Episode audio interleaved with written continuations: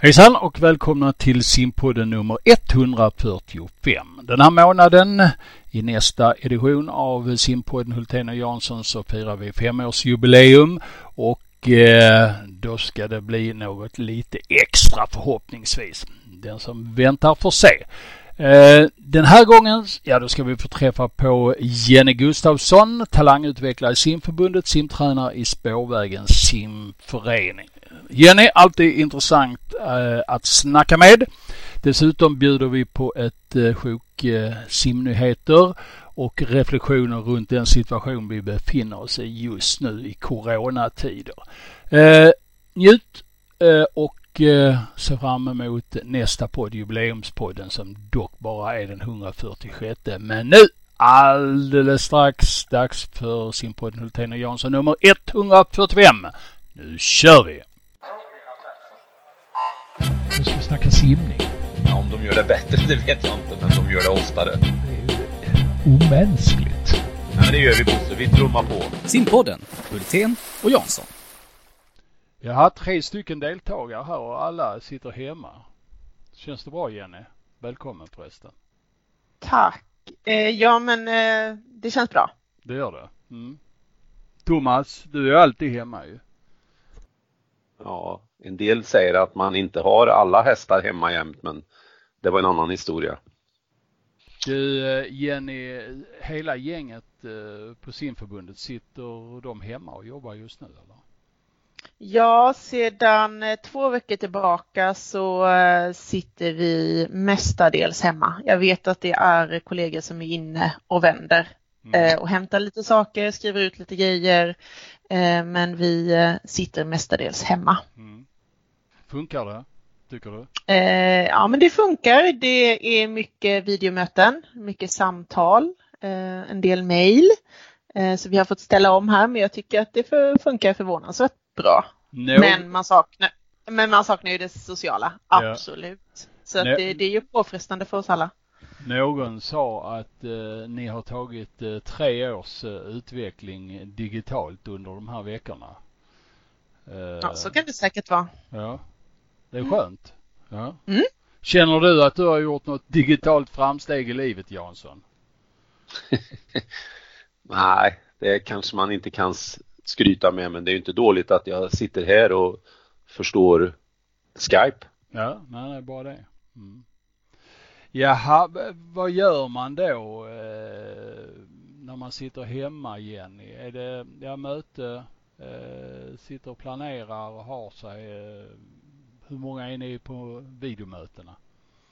Eh, Jag har precis avslutat ett videomöte, då var vi tre stycken. Eh, igår hade vi personalmöte, då var vi väl 22 eller någonting sånt. Eh, så att eh, det är lite olika. Mm. Funkar det? Rent Ja, men det tycker jag. mm. Det tycker jag. Folk behöver ju lära sig den här slags möteskulturen också med att muta mikrofoner och, och begära ordet så inte alla pratar samtidigt och sådär. Så att, eh, men det blir väl bättre och bättre. Men jag tycker att det funkar förvånansvärt bra. Eh, och det är kul att se varandra, även om det är i digital form. Ja. Disciplinen att jobba, hur, hur upplever du det? Det är för oss hemmajobbare som har suttit hemma länge, det har man ju brottats med det tidigare. Du som är lite nyare på det här, hur upplever du det? Eh, Alltså jag kan ju väl bara se till mig själv att det är ju eh, lättare om man har någon form av schema, eh, om man har schemalagda möten, för då får man mer struktur i, i vardagen. Kommer man till en hel blank dag, eh, då är det svårare Mm. och veta vad man ska sätta tänderna i. Mm. Det känner jag igen för att när jag nu har jobbat mer och mer hemma, då försöker jag faktiskt göra ett schema dagen före vad det är jag vill ska bli nästa dag och håller lite rutiner vad gäller allt ifrån kafferaster till lunch och allt sånt här. Just för att inte tappa bort sig, för det är lätt. Det är lätt gjort att tappa bort sig. Mm. Mm. Speciellt lätt om man sitter framför en dator och tycker att det är lätt att slira in. Man får en idé och så letar man efter den och så helt plötsligt så har det gått 43 minuter och man är någonstans helt an annorledes så att säga. Men Mm. det är kanske bara jag som är sån. Ni är så disciplinerade och duktiga så. Men eh, sånt händer ju ibland ju. Eh, det är inte så lätt att snacka simning sådana här dagar, eller är det det? Vad säger du Jenny? Jo men eh, det tycker jag väl att det är. Vi har eh, fortfarande träning igång och, och försöker hålla modet uppe. Så att jag tycker att det finns en hel del simning som vi kan prata om. Och vi kan ju också ge råd till simmare och tränare och sådär. Så att, mm. Mm. Om jag har tolkat marknaden helt rätt så är det fem simhallar som är stängda i Sverige nu. Den senaste som stängdes var nog eh, i Sollefteå. Där bommade man igen häromdagen. Eh, men det är möjligt att det finns fler som, som är stängda men eh, en del är stängda för allmänheten och öppna för Eh, simträning där, eller ska vi säga organiserad verksamhet. Jag vet inte om ni, ni har eh, samma information som jag. Eh, nej, men alltså jag, jag kan nog, eh, det är säkert något sånt i antal och jag vet att förutsättningarna ser olika ut. Vissa simhallar är helt stängda medan vissa är stängda där klubbar får vara. Och sen så är det ju även simhallar som är öppna men klubbar har valt att stänga verksamheten. Och sen finns det ju de som ännu inte är berörda så att säga. Mm. Så att det är olika förutsättningar. Vet du vilka motiv man har haft i klubbarna som har valt att stänga eh, föreningsverksamheten? Uh, nej, inte direkt så. Jag är inte riktigt så insatt men, men jag hörde att det var någon uh, att det kom från styrelsen då helt enkelt som, som tog beslutet. Um. Mm. Ja, det är tuffa tag för många. Och var, jag snackade med någon kompis här på förmiddagen. Han, han tyckte det var väldigt deprimerande. Och det, det, kan man ju förstå att det här livet är ju satt på vänt lite och just nu i den här perioden när man, det är andra april idag när vi spelar in det här och det är ju kanske då man är som allra mest eh, på uppgång så att säga i sitt, eh, sitt, eh, sitt liv. Ja, jag vet inte, åtminstone mm. tänk, tycker jag så. Jo men så är det ju, alltså jag tror att det är psykiskt påfrestande för oss alla, även, även friska och även om man inte är i riskgrupp och vad det än kan vara för att vi berörs eh, så väldigt mycket och jag tror att vi måste ta tid för samtal för att jag tror att det är många som behöver prata och diskutera och, och liksom blicka framåt och, och, få hjälp med att reda ut vad som är tankar och vad som är oro och vad som är ångest och ja, allting sånt. Så att eh, jag tycker att det är en tid för samtal även om vi inte kan träffas så mycket. Ja, vi, vi är ju vana ett helt annat liv nu om, om man hade backat bandet hundra år eller drygt det. När mestadels folk bodde på landet och hade betydligt färre eh, sociala kontakter och eh, livet bestod av att hitta lösningar för att överleva. Eh, så hade det kanske sett lite annorlunda ut men nu är vi ju vana en helt annan puls och möjligheter åt alla håll och kanter. Och det är nog lite besvärligt för en del. Ja, och bara tanken att vi eh, idag torsdag eftermiddag egentligen hade varit på Eriksdalsbadet och simmat in inför Swim Open gör det ju hela också deprimerande. Mm. Och imorgon skulle jag åka till USA, till Florida, två veckor. Ja, det känns inte bra. Men sånt är det. Dagens ilandsproblem, det är de som har det mycket värre. Eh, om vi slirar in lite på simning. Tokyo 2020 blir ett år senare. Vad känner du för det, Jenny? Nej, men det är väl helt rätt beslut. Förutsättningarna runt om i världen är eh, inte rättvisa just nu. Så att eh, det är inte mycket annat att göra. Hur tänker du när du säger inte rättvisa? När är de rättvisa? Eh, ja, de är väl aldrig rättvisa, men, men nu är det ju, alltså, det är ju, vi är lyckligt lottade i Sverige för vi kan ju fortfarande träna, eh, men det är ju många eh, som inte ens får besöka simhallar eh, runt om i världen och eh, jag tror ingen direkt vill tävla under sådana förhållanden när man vet att, eh, att man inte haft möjlighet att göra jobbet. Ja, jag håller ju med dig. Det är bara det att jag tycker ibland att man ska komma ihåg att det här med rättvisa är ett ganska svårt ord för det är väldigt många länder och i många olika idrotter så kan det vara så oerhört skilda förutsättningar men det blir världsmästerskap och olympiska spel ändå. Så att mm. eh, det finns en, en, det är viktigt tror jag att just det här ordet rättvisa, att man, man är eh, lite ödmjuk inför det.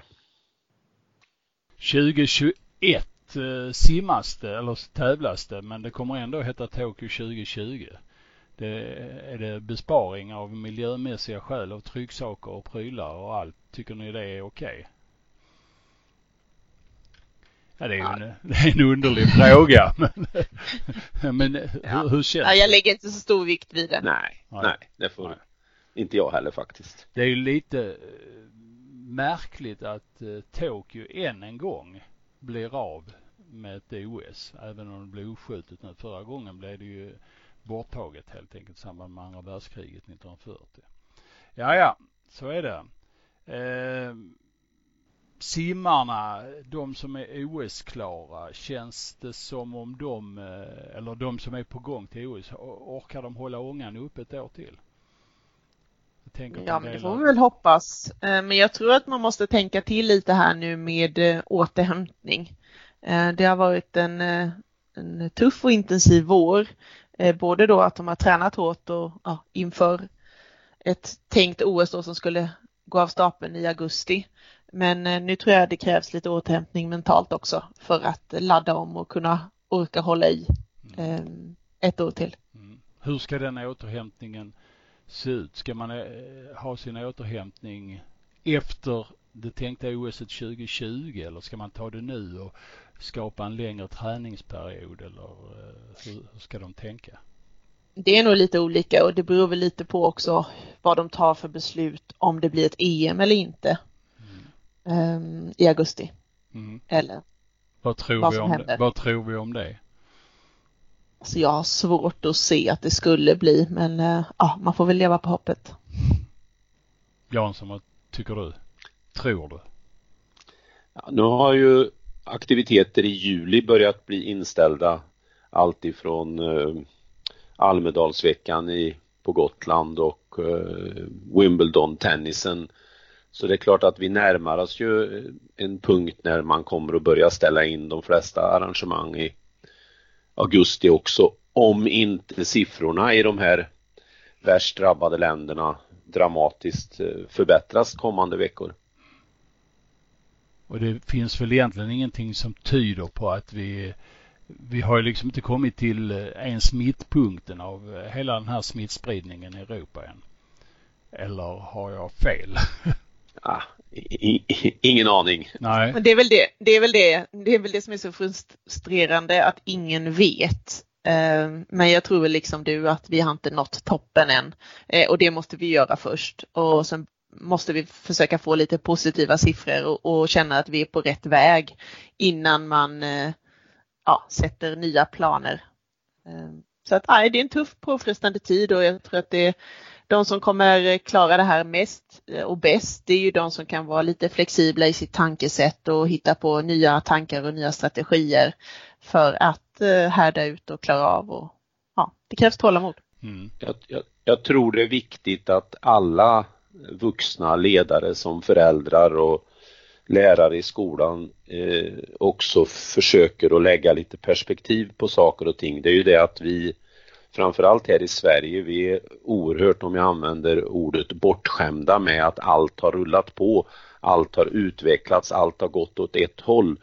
Eh, senast vi hade det lite besvärligt är 30-talet där vi hade fattigdom. När det gäller krig får man gå tillbaka över 200 år. Eh, så på ett vis kanske det, det, det är viktigt och eh, det kan man kanske ta med sig som någon sorts lärdom när man blir förkyld i framtiden. Hur kommer simlivet att eh, förändras med den här krisen? Och då menar jag det som finns efter krisen har bedarrat. Kommer det hända? Kommer, kommer vi att glömma lika snabbt som allt annat eller är det någonting som kommer finnas kvar i, i vårt sätt att jobba med, med simidrott i framtiden? Omöjlig fråga men har tankarna, ja, sla, har tankarna slagit er? Nej, men jag, jag, tycker bara det att man får lite perspektiv och att det vi håller på med som vi älskar så mycket med simning och prestationer, eh, det blir ju ganska fjuttigt eh, i det här stora hela när det handlar om liv och död eh, och att ett samhälle ska fungera. Mm. Ehm, Ja, men sen så å andra sidan då så är det en viktig del alltså med folkhälsa och träning och att man träffas och har roligt eh, så att eh, ja, det är lite tudelat. Mm. En, en eh, ekonomisk fundering som jag fick här innan vi kopplade upp oss. Eh, innebär det här att många klubbar spar pengar nu när man inte behöver eh, åka på läger och tävlingar eftersom inte vi är en arenaidrott? Och hur är det för förbundets ekonomi? Blir det en positiv effekt? Eh, Krasst ekonomiskt? Ja, jag, jag tror att klubbarna, alltså de behöver ju inte lägga eh, pengar på anmälningsavgifter och, och, till hotell och ja, boende och mat och så när vi åker och tävlar. Eh, fast å andra sidan så får ju inte då heller förbundet in eh, pengar till sin verksamhet. Så det känns som att det är pengar som egentligen bara går runt. Eh, men nej, jag tror att det är tuffa tider ekonomiskt med mindre verksamhet och, och färre tävlingar och färre läger. Och... SM-veckan i månadsskiftet juni-juli känns ju som om eh, eh, den inte kommer att bli av. Eh, är min uppfattning. Vad tycker ni? Ja, det, det, läget ser ju tufft ut. Jag har hört att man på RFs håll ska komma med beslut senast den 28 april. Mm. Eh, så, eh, så inom en månad där så bör vi väl ha ett, eh, ett beslut i alla fall, om inte det kommer tidigare. Mm. Och då gissar jag att, att när man väl vet huruvida de gör eller vad de gör med SM så kommer säkert beslutet om SumSim eh, relativt eh, samtidigt, skulle mm. jag tro. Mm. Eh, om jag förstår rätt så just nu ligger det den ekonomiska frågan med förhandlingar om hotell när är sista dag att boka av allting enligt gängse regler och kan vi skjuta på det lite och så vidare. Den förhandlingen, det är den som kvarstår. Eh, men det känns nästan som om eh, man kanske ska ta det beslutet lite tidigare den 28 april. Ja, jag vet inte. I och för sig så simning kanske är lite speciell. Vi håller till utomhus, vi jobbar i en miljö som är annorlunda och sådär. Mm. Mm. Jag vet att eh, när beslutet ska tas, eh, när det än tas, så vet jag att eh, förbundet kommer ha föreningarna i fokus just med tanke på att försöka skydda dem så att man vid eventuell avbokning ska få tillbaks sina pengar. Mm. Det, är ut, det är uttalat. 100 mm. procent ja. Eh, ja, det hoppas jag. Ja, eh, för, för Eller i alla fall så mycket som möjligt liksom. Mm. Ja. Jo, men det är nog tänkt, tänkt att man ska kunna få igen allting. Och problemet nu är ju för klubbarna. De fick visserligen igen 50% från Swim Open, men det var en del klubbar som trots allt, och det, det var ju en plussiffra så att säga, för egentligen enligt avtal skulle de inte fått någonting. Men eh, det är klart att bli av med mycket pengar i samband med Swim Open, det tär ju på kassan och fler sådana här arrangemang som inte blir avblåsta tidigt nog och som kostar pengar, det, det kommer ju tära på klubbkassorna. Ja, det är verkligen inte roligt så ju. De, mm. de pengarna vill vi ju lägga på annat och framförallt eh, på verksamhet. Mm. Um, men jag vet i alla fall att, att klubbarna, att det ligger i fokus just med av, avbokningsskydd och avbeställningsskydd och att, att de inte ska skjuta på beslutet allt för långt eh, fram utan att det kommer eh, så tidigt som möjligt då i så fall. Eh, och samtidigt också har jag hört att även om man tycker då att man ska flytta fram saker, alltså vi kommer inte kunna flytta fram allting heller utan kalendern i, i höst är tajt som den är så att vi ska nog vara beredda på att eh, saker och ting också kommer behöva ställas in. Um, ja.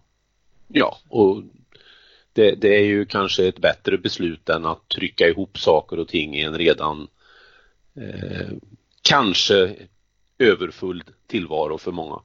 Mm. Ja, det, det, är tufft men eh, mm. ja, vad ska vi göra? Ja, DM 2021 eh, hamnar på 2022. Är väl eh, senaste budet. Har det kommit något officiellt meddelande om det nu? Pratar du VM? Mm. Ja, nej, det har inte jag hört om.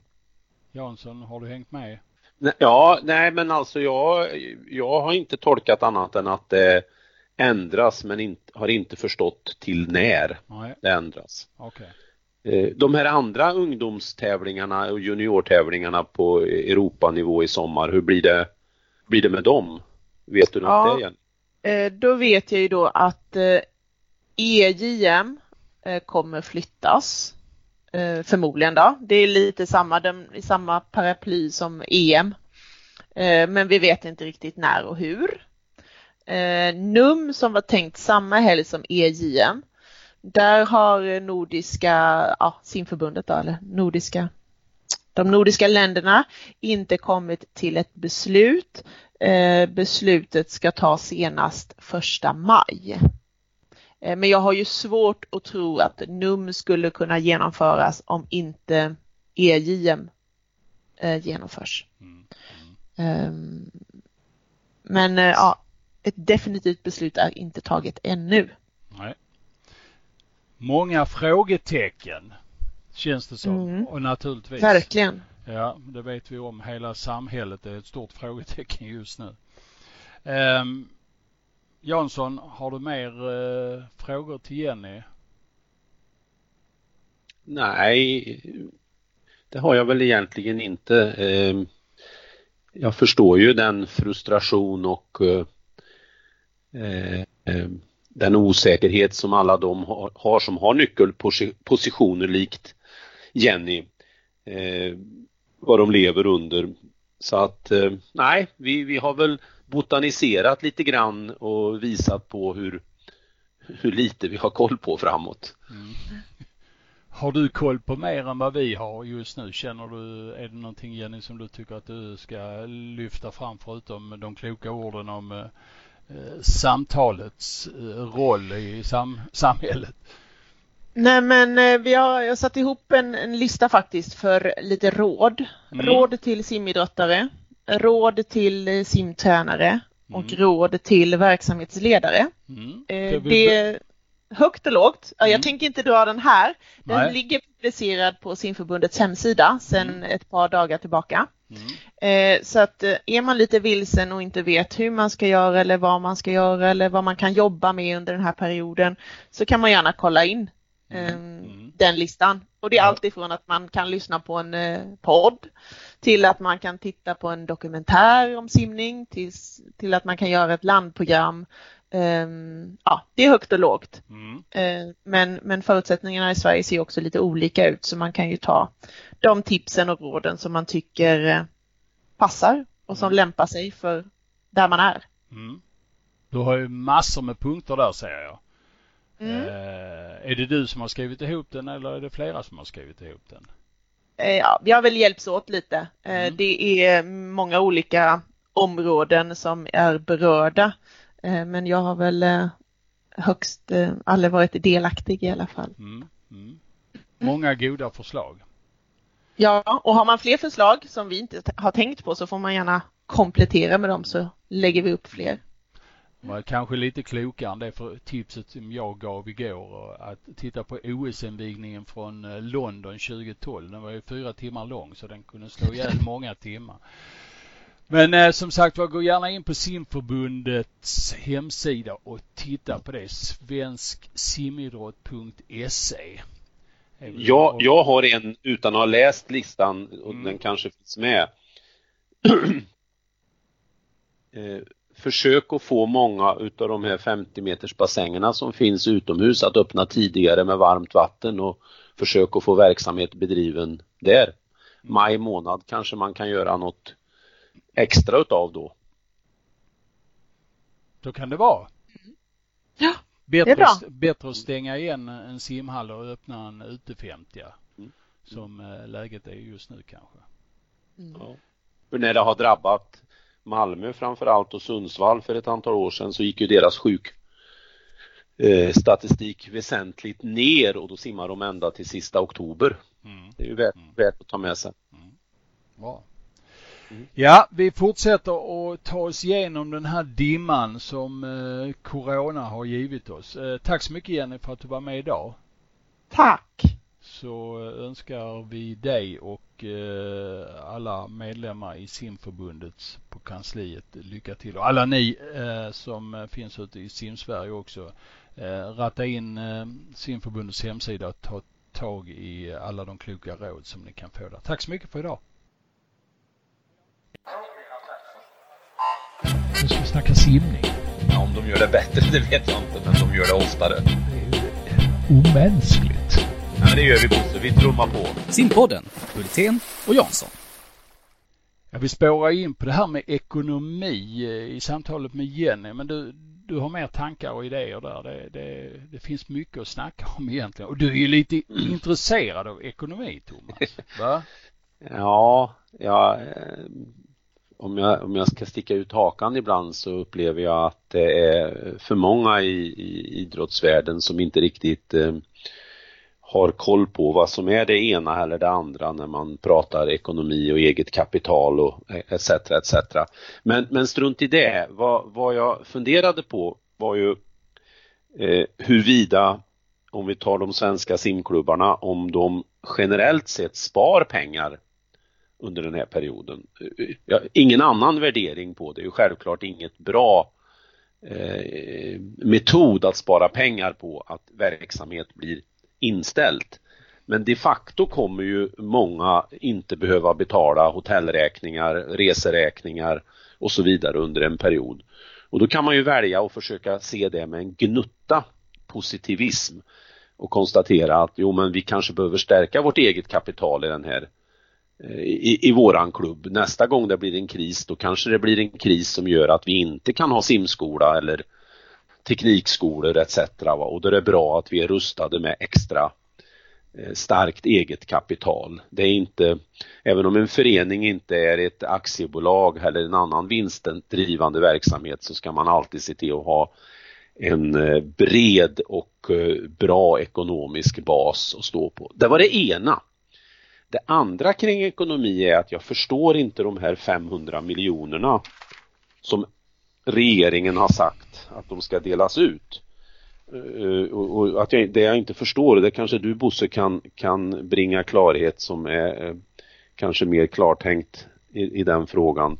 Det är att här har då de stora aktörerna, arenaidrottarna, om vi säger fotboll, ishockey då, om vi nämner dem.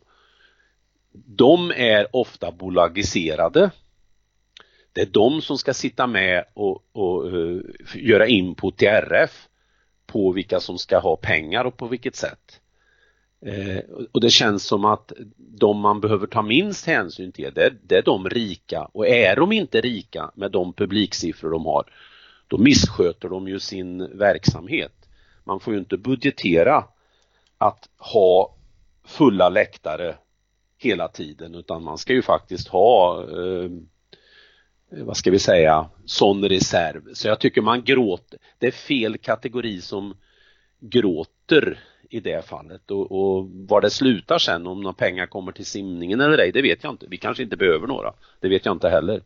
Men du kanske är mer påläst på det där med RF och pengar och Nej, det är jag egentligen inte, men eh, du säger att de är rika och det tror jag verkligen är en sanning med modifikation. För jag tror att det är så här, trots att det finns elitlicenser i ganska många idrotter nu eh, av arenaidrotterna, eller några stycken i alla fall, så tror jag det är så här att de allra flesta föreningar på elitnivå eh, på arenaidrotterna, när det gäller de stora arenaidrotterna, balanserar på eh, ett, en rakbladsägg. Jag tror det finns typ nu måste jag använda det ordet, fem föreningar i Sverige som klarar en coronakris utan att gå rejält minus. Och det är typ eh, Malmö FF, eh, Färjestad, eh, någon av fotbollsklubbar, någon hockeyklubb till.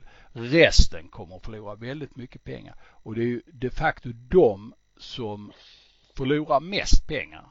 Där fallet är högst. Jag... Men, och, men det är väldigt tveksamt alltså om, om de ska ha de här stora pengarna. För procentuellt av eh, pengaomsättning och sånt så är det säkert så att eh, de eh, individuella idrotterna och lite mindre idrotterna förlorar mer pengar.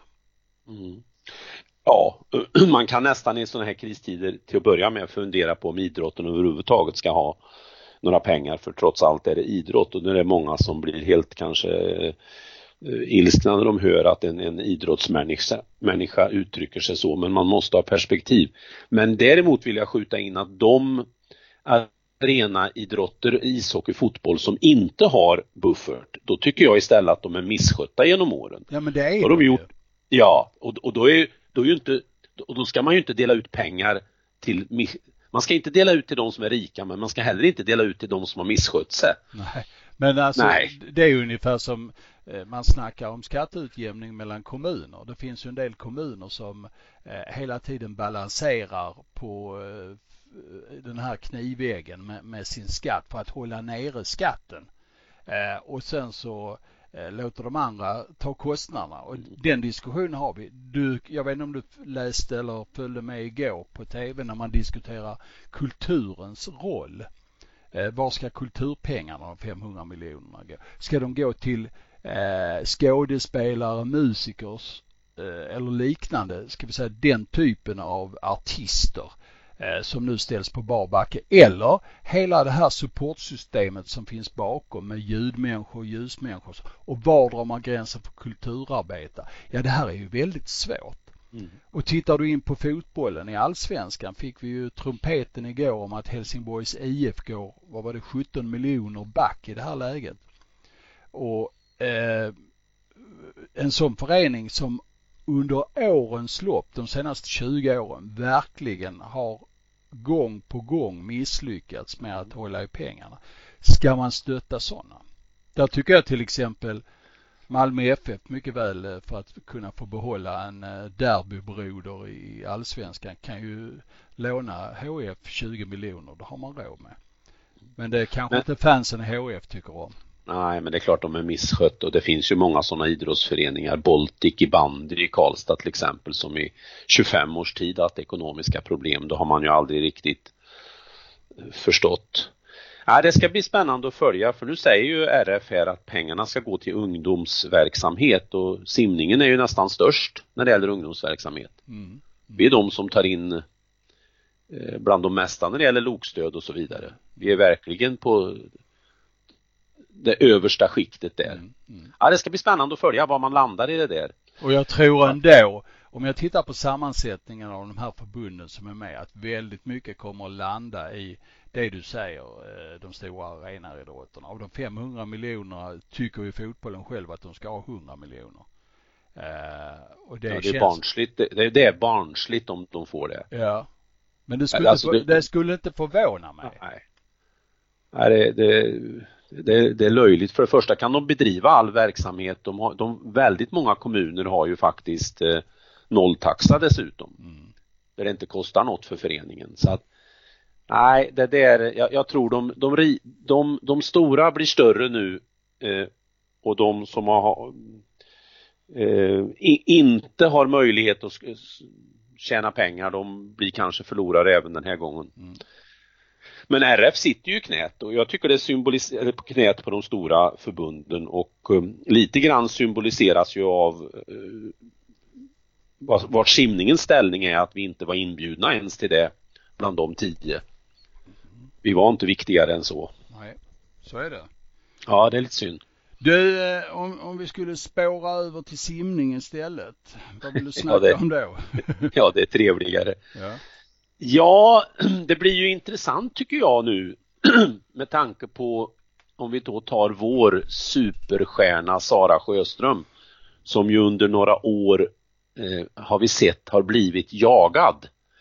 Eh, det är simmare runt om i världen som närmar sig henne och simmare, simmerskor som har eh, kapacitet att eh, kanske komma ner mot hennes får vi väl säga fantomtider på, på 50 och 100 fjäril. Nu får de ett år till på sig. Och frågan är, var är då, är, är Sara i en sån utvecklingskurva att hon kan klämma fram ytterligare? Finns det 54 och 9 på 100 fjäril till exempel för Sara om ett år? Eller är hon någonstans och balanserar på sin eh, topp? Och är det, är det sant, ja då, då, då kan det ju bli en besvärlig sits för, för en sån som Sara. Mm. Mm. Ja, hon har ju väldigt många som eh, trampar henne eh, på hälarna tänkte jag säga. Ja. Och japanskan som har haft cancersjukdom får ett år till på sig att komma tillbaka, är ju igång i träning nu. Eh, Ike, vad heter hon? Rik, nej men gud. Rikaka Ike. Ja, precis. Så det, det blir lite spännande och likaså kommer en sån som Michelle eh, och vi vet ju om att Ida Marco Varga satsade ju på att komma med till, till Tokyo.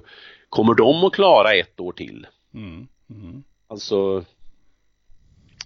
eh, och det är frågan, det var ju intressant det Jenny lite var inne på där hur, hur, hur gör man med återhämtning, när lägger man in återhämtning, hur, hur, hur ska årshjulet, de här det här året som är kvar till det vi tror då blir OS-uttagningar nästa år på Swim Open. Mm, mm. Ja, och jag menar, eh, hon vann inte VM senast, eh, Sara. Nej. Så att eh, hon slår ju underläge och slår underläge nästa år när hon är 28 år. och de här unga simmerskorna kommer bakifrån och ja, det kan bli rätt så tufft faktiskt. Ja, Sen då om vi tittar på det ur ett positivt perspektiv, vi har ju saknat en fjärde tjej med, med all respekt för de svenskor som har varit fjärde tjej i lagkapslagen. Nu finns det ytterligare ett år till för de yngre mm, mm. att gå in och, och, och, kanske visa att nej, nej, Ida Marco Varga, du, dig ska vi nog ha eh, du ska nog vara bakom oss i resultatlistan. Mm, mm. Då får de en lite större chans. Mm. Så att eh, ja, ja, det är intressant ja, tycker jag.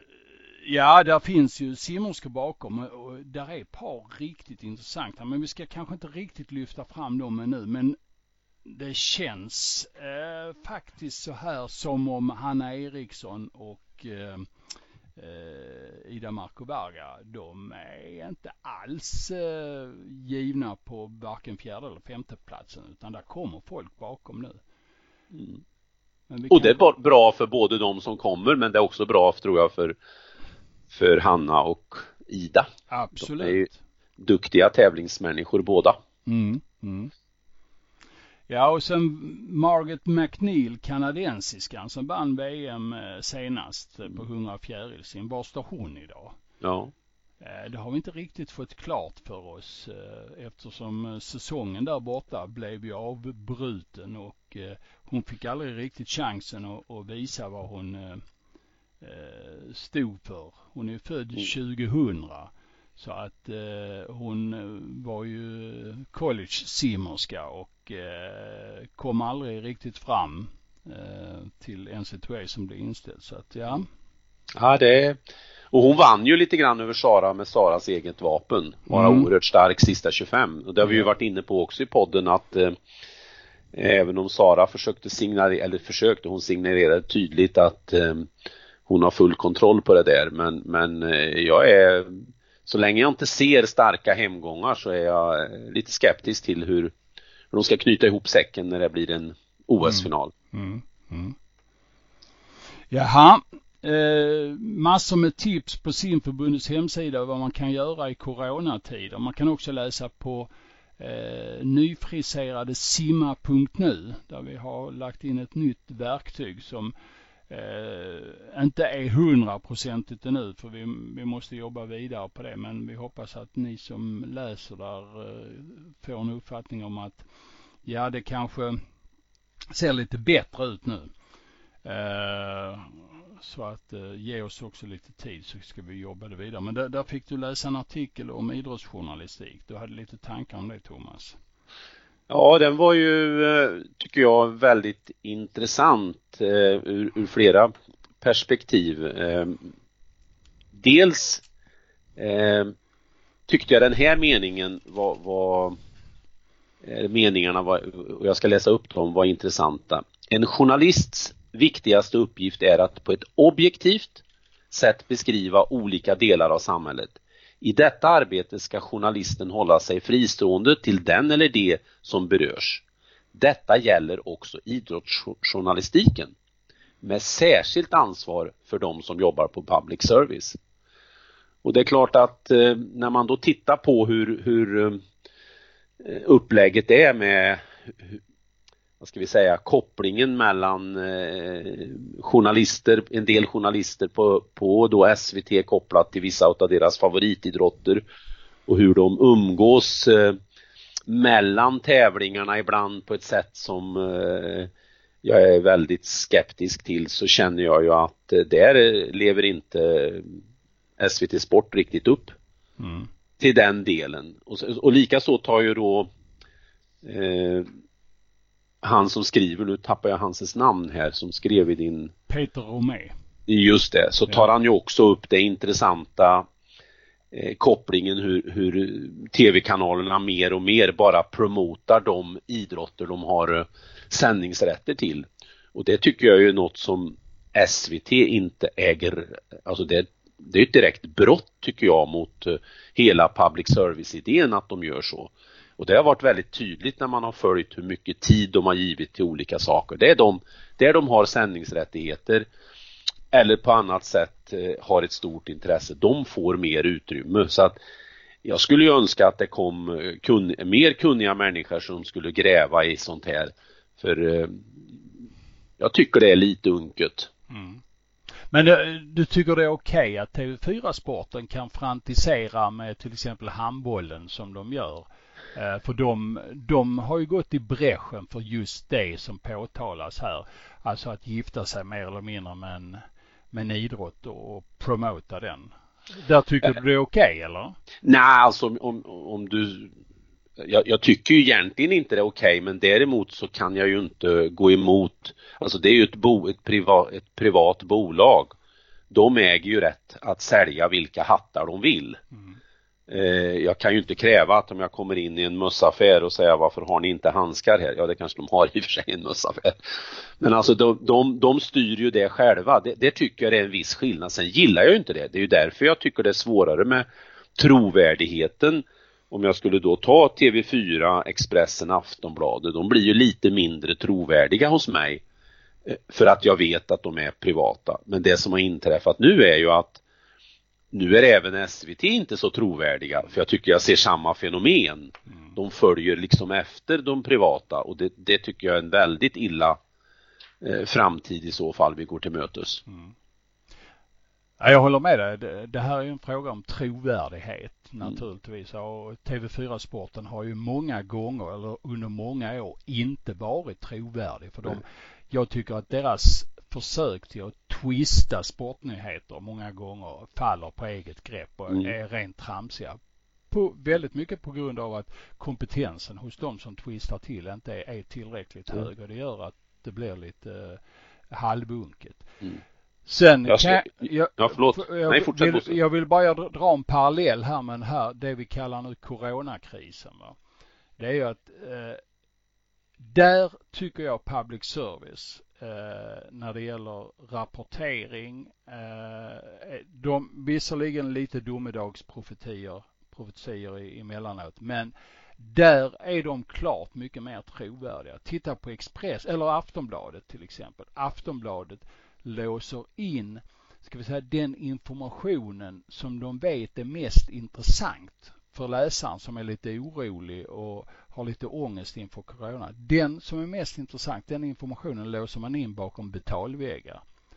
Och då säger man så här, ja det kostar liksom nästan ingenting att göra det. Ja men det är inte så jätteenkelt för den här åldersgruppen 70 plus som är väl förmodligen de som har mest eh, ångest inför det här att lösa och ta sig över eller genom de här betalväggarna.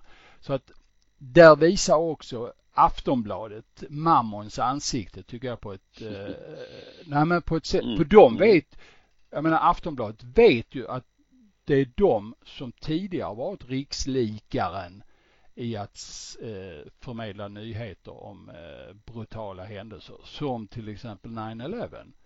Eh, där de fick tidernas största boom. Alla sökte sig till Aftonbladet den gången för att få information. Då fanns inga betalväggar och då verkligen lyckades Aftonbladet eh, förmedla information. Men idag så har de gömt sig och satt sig på mammons stolar och de enda som är trovärdiga i coronakrisens eh, ögon, ja det är SVT och SR, tycker jag. Jag, jag håller väldigt mycket med dig på den punkten med de här programmen, de, när de har släppt in olika experter eh, Eh, med olika expertområden och de har fått tala till punkt på SVT. Det har varit väldigt bra. De har lämnat över lite till mig då som, som tittare, lyssnare att i den mån man kan försöka värdera de här olika sakerna oavsett om det är Anders Tegnell eller om det är eh, någon inom något annat område. Eh, och då står ju det i en jättekontrast till till exempel när man ser Jakob Hård leka med skidåkare emellan tävlingar på något sätt som, alltså det, det tappar all trovärdighet då. Det blir, det blir barnsligt att en, en journalist ska umgås på det sättet med, med de aktiva. Det är jätte, alltså det är bak, det, det är när public service är som sämst. Det vi har sett i corona, det är när public service är som bäst. Mm. Mm. Ja, det ser man. Mm. Ja. Du, eh, det var det det. Har vi mer att säga om de 500 miljonerna från staten till idrotten eller har vi liksom eh, betat av det nu? Nej, jag... vi, vi har stora frågetecken och har lite rädsla för att pengarna hamnar på fel sätt och det kanske inte blir den transparensen som eh, man förväntar sig. Eller har du mer att säga? Nej, alltså det, det jag tänkte på som, som en idé och någonting som kanske ändå är något eh, på sikt att tänka på det är ju att eh, eh det borde vara mycket mer utomhussimskolor. Alltså, och då menar inte jag utomhus i pool. Utan jag menar utomhus i sjö och eh, hav. Mm. Eh, det är trots allt där drunkningarna sker och, och, någonstans har vi ju gått ifrån att all sån simundervisning var i sjö med alla dess baksidor kallt och svårt till att liksom nu ska det nästan vara 30 grader varmt när man ska eh, hålla på med, med, med, simundervisningen. Där tror jag att eh, lite pengar till till exempel simidrotten skulle ha gjort oerhört fin nytta genom att skapa möjligheter och, i coronatider att ha eh, fram i sommar utomhussimskolor att eh, eh, rusta upp en del av de här fina badplatserna som finns runt om i landet. Eh, simma i mörkt vatten eh, utan simglasögon etc och, och all, alla dess fördelar. Jag inser att det är kallt ibland. Mm. Men eh, jag tycker man har glömt bort den biten. Mm. Mm. Ja, det där eh, Trycker jag på rätt knapp här nu kan jag snacka en halvtimme om detta, men det ska jag inte göra. Men eh, vi kan återkomma till det i samma, något sammanhang. Har du, har du frusit mycket? Nej, men jag, jag, jag, jag eh, likar det du säger nu, för jag tror det är väldigt viktigt. Jag tror det är väldigt viktigt. Uh, och ja, som sagt jag ska inte trycka på den nej, knappen. Nej. Så det hoppas jag det startas ja. upp. Och det tycker också de här klubbarna som har, om vi tar Filipstad där jag befinner mig som det dröjer ytterligare kanske ett år innan vi har bassäng. Vi har ju också möjlighet att försöka skapa utomhussimskolor i sommar. Mm. Mm. Eh, vilket också då är lite lättare i coronatider att eh, genomföra. Ja. Jaha, eh, det var de 500 miljonerna där ja. Utomhussimskolor. Något mer du tycker att eh, våra lyssnare behöver få veta Nej. om vårt innersta idag? Nej, inte annat än det vi delvis har varit inne på det i sådana här tider gäller perspektiv. Det är trots allt bara idrott vi håller på med. Det är trots allt som så att vi lever här i en ganska skyddad värld i ett eh, rikt samhälle. Eh, vi glömmer lätt bort eh, att eh, fem miljarder av jordens befolkning alltid lever i en mycket, mycket svåra förhållande och det tycker jag man någonstans ska ta med sig eh, när vi bekymrar oss i, i dessa tider. Mm, mm. Ja, okej. Okay. Uh men vi eh, slår väl igen butiken just nu. Vi hoppas ja. att ni eh, tvättar händerna, inte slickar på kundvagnarnas handtag och sköter er eh, som man ska göra och håller er friska på bästa möjliga sätt och gärna ut och rör på er. Jag fick Ni... en, bild, en bild i huvudet där du står och slickar på en kundvagn. Nej, nej. nej Bosse. Nej, men så ja. kan det vara. Ja. Eh, tack så mycket för idag. Tackar. Slut på idag. Hej då. Nu ska vi snacka simning. Ja, om de gör det bättre, det vet jag inte, men de gör det oftare. Det är ju omänskligt. Ja, men det gör vi Bosse, vi trummar på. Simpodden, Hultén och Jansson.